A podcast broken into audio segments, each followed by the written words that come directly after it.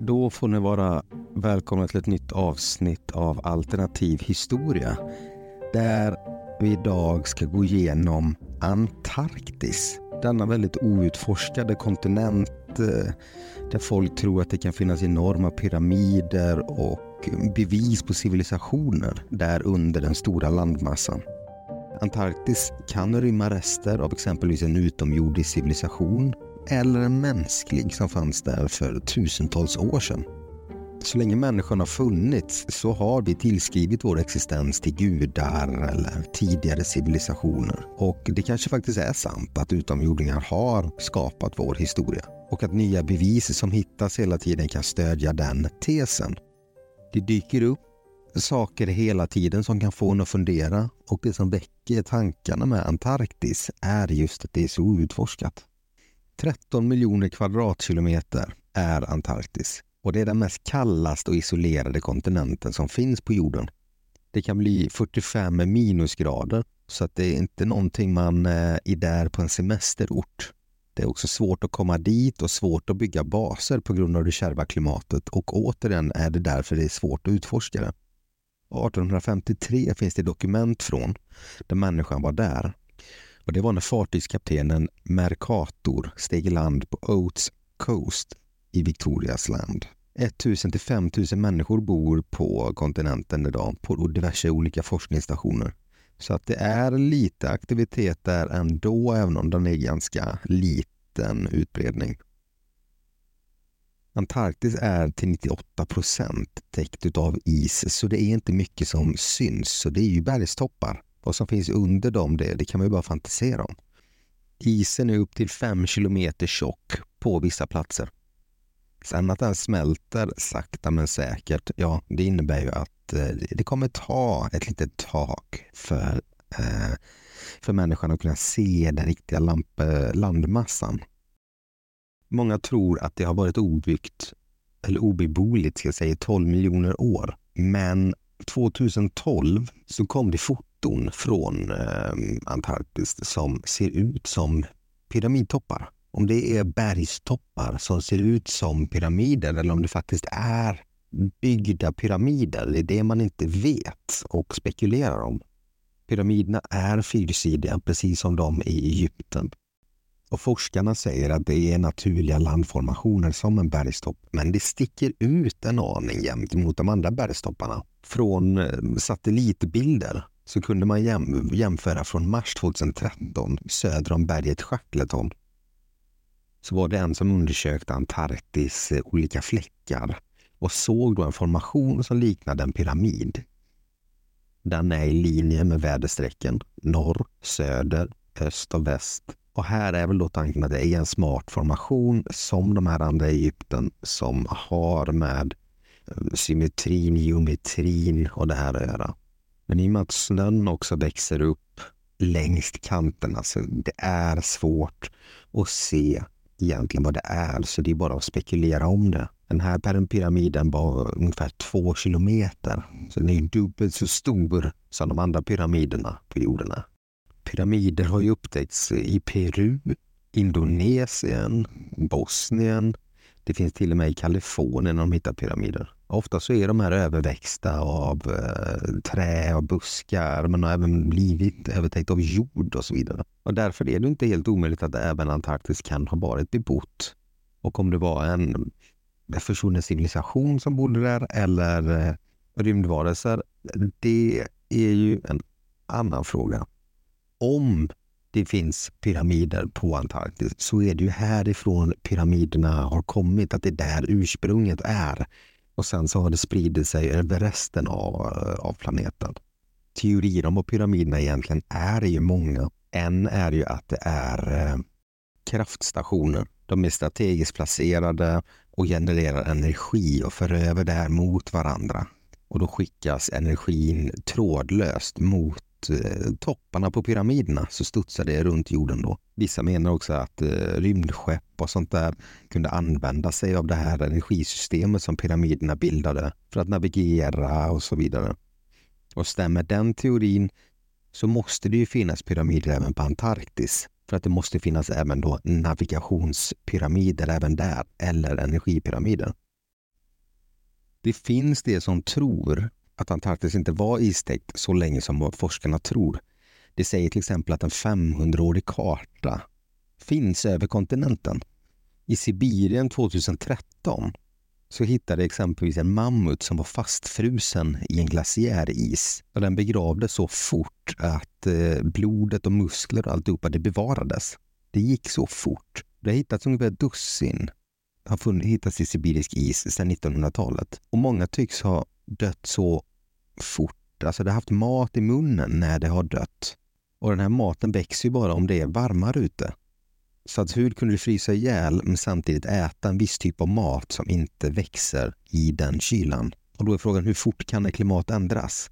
Kan det vara en plötslig naturkatastrof? Ett vulkanutbrott? Polerna skiftat eh, plats? Om det ligger någonting i det så har någonting hänt för att eh, skifta klimatet så snabbt. Och en är då att eh, jordskorpan plötsligt började förskjutas det vill säga att Sibirien och då Antarktis var i ett varmare klimat.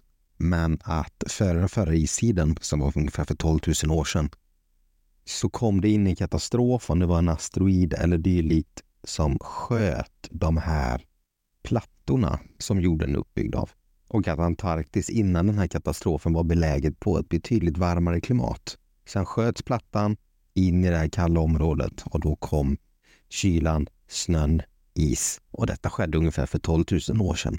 När det kommer till förskjutning, sån här förskjutning sker oftast mycket långsammare av vulkanutbrott och så vidare för att det är inte en hel jordskorpa, den är uppdelad i delar. Därför blir det ju jordbävningar och det här går ju på miljontals miljontals år. Och frågan är väl om det ens går att förflytta en så stor landmassa så fort. Den här kartan jag nämnde innan eh, ritades av eh, matematikern och kartografen Orons Fin. Och han i den här kartan har målat Antarktis som isfri. Och Antarktis är väldigt likt det som är i dagens kartor. Det var först 1820 vi verkligen visste hur Antarktis såg ut. Så hur kunde han veta det redan från 1531? För kartan visar en tydlig kontinent som inte upptäcktes förrän ungefär 300 år senare. Men där finns den dessutom isfri. Om det skulle ha hittat det här området för 500 år sedan, då skulle det ju vara is dessutom. Men på den här kartan så är det isfritt. Det är ju lättare, givetvis då, att tro att det här är någon lurendrejerikarta eller att det är en karta över något helt annat. Men det är likt Antarktis och det är en ganska rolig tanke att bolla med.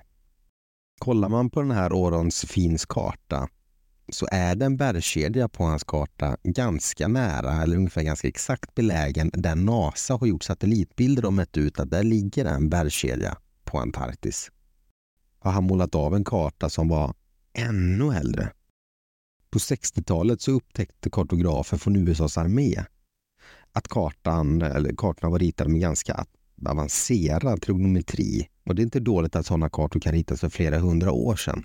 För, för att göra en sån karta måste man vara på ungefär 13 mils höjd för att kunna göra de här matematiska uträkningarna. Och hade de inte det för de här hundra år sedan, ja, då kan det ha funnits på andra kartor. Men vem var det då som kunde komma så här högt upp i luften för att kunna ge den här matematiken? Och kan det ha funnits en civilisation på Antarktis för 12 000 år sedan, ja då kan det ju vara deras kartor. I egyptiska berättelser beskrivs bland annat en stor katastrof för i templet Idfu, som är eh, ett tempel för ungefär 250 f.Kr. så är det målningar eller inskriptioner på varenda vägg och kammare och det kallas för Itfu-texterna. Och många av de här texterna ska då beskriva världens skapelser. Och enligt dessa texter skapades jorden av mäktiga gudar som kom hit från skyn.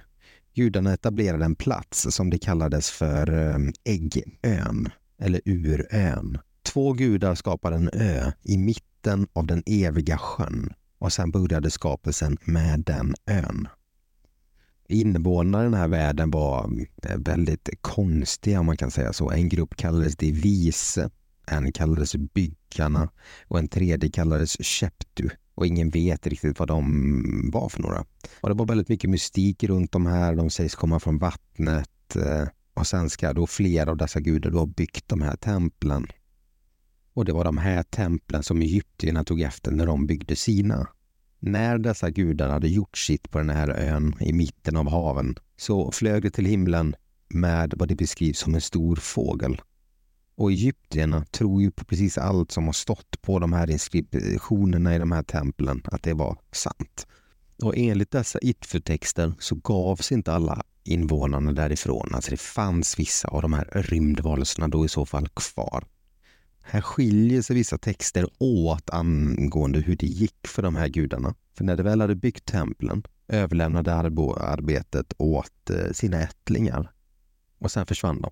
Och i himlen så dök då en fientlig orm upp och den kallades den mäktiga hoppande ormen. Och när den kom så blev det en tid med mörker som du uttrycker det som. Översvämningar kom och förstörde den här ön. När vattnet drog sig tillbaka så var dessa varelser eh, borta. De var inte kvar. Teorier är ju då att den här mäktiga ormen som var i himlen kanske var en asteroid. Att det var svansen på asteroiden de såg som slog ner och skapade då en översvämning även en förflyttning av jordskorpan Den lyckades vrida jorden på något sätt så att klimatet slog om. Det kan också varit att det kanske var någon form av bomb. Kanske var ett, eh, alltså, vem vet, kanske var ett rymdkrig som pågick. Man vet inte. Platon har ju tagit mycket idéer från detta. För i Atlantis så beskriver han en stor ö som har ungefär samma storlek som Nordafrika. Och det finns ju bara en sån ö mitt i havet. Om man jämför den här kartan jag pratade om innan med vad det är benäget nu så ser man att den har flyttat sig 7,5 grad. Det är ungefär 160 mil från där den var, där Antarktis är nu och om man jämför med kartan. Dessa teorier har ju lockat eh, massa människor under åren och däribland eh, Hitler. Hitler och kanske även då Himmler hade ju någon fäbless för lite sådana här eh, okonventionella ska jag säga, tankar och idéer om historien. Där de är kända för att vara lite okulta i vissa sammanhang. För Hitler, när han kom till makten, så använde han faktiskt ganska mycket resurser för att hitta sådana här gamla reliker eller utforska olika eh, mer eh, hemliga projekt. För han trodde att det fanns saker på jorden som hade större krafter än vad vi människor tror.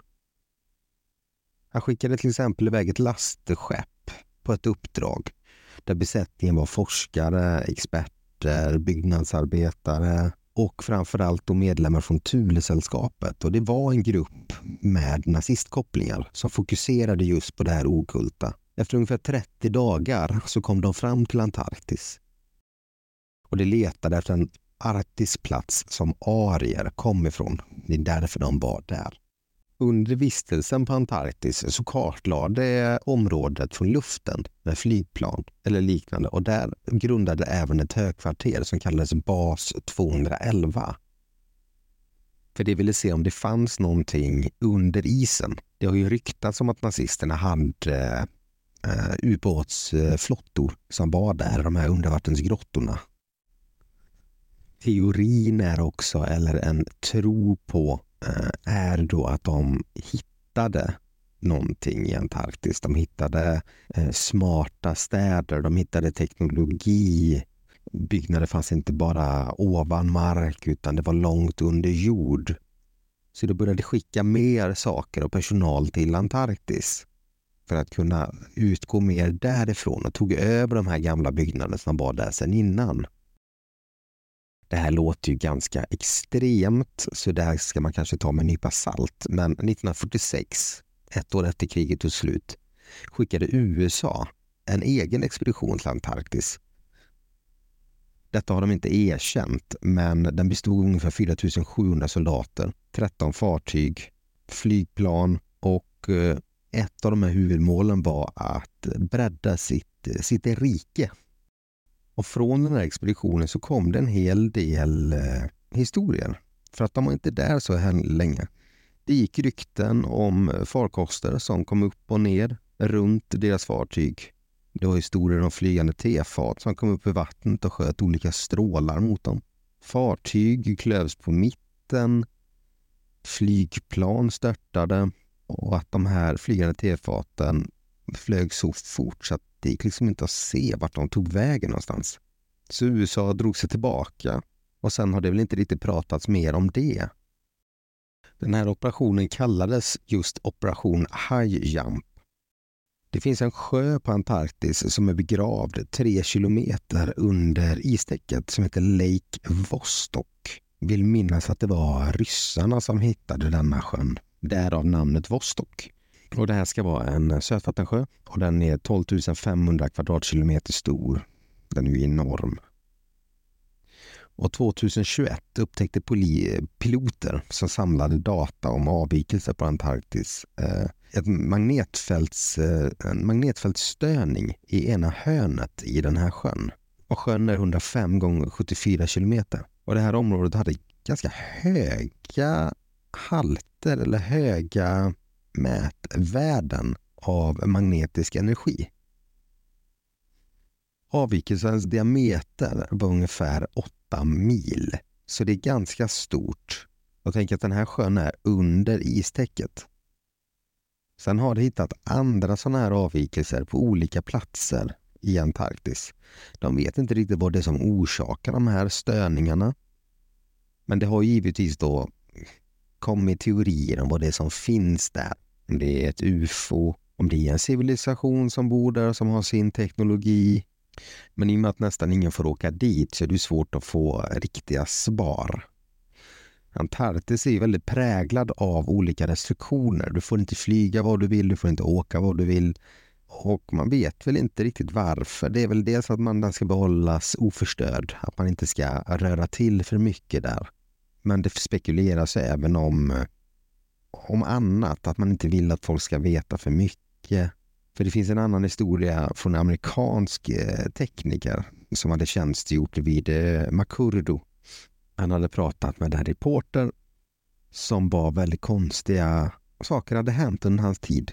För han hade kontaktat den här journalisten och sa då till henne att eh, han hade varit där i ungefär 14 år på olika expeditionsuppdrag. Och då hade det varit räddningsaktioner.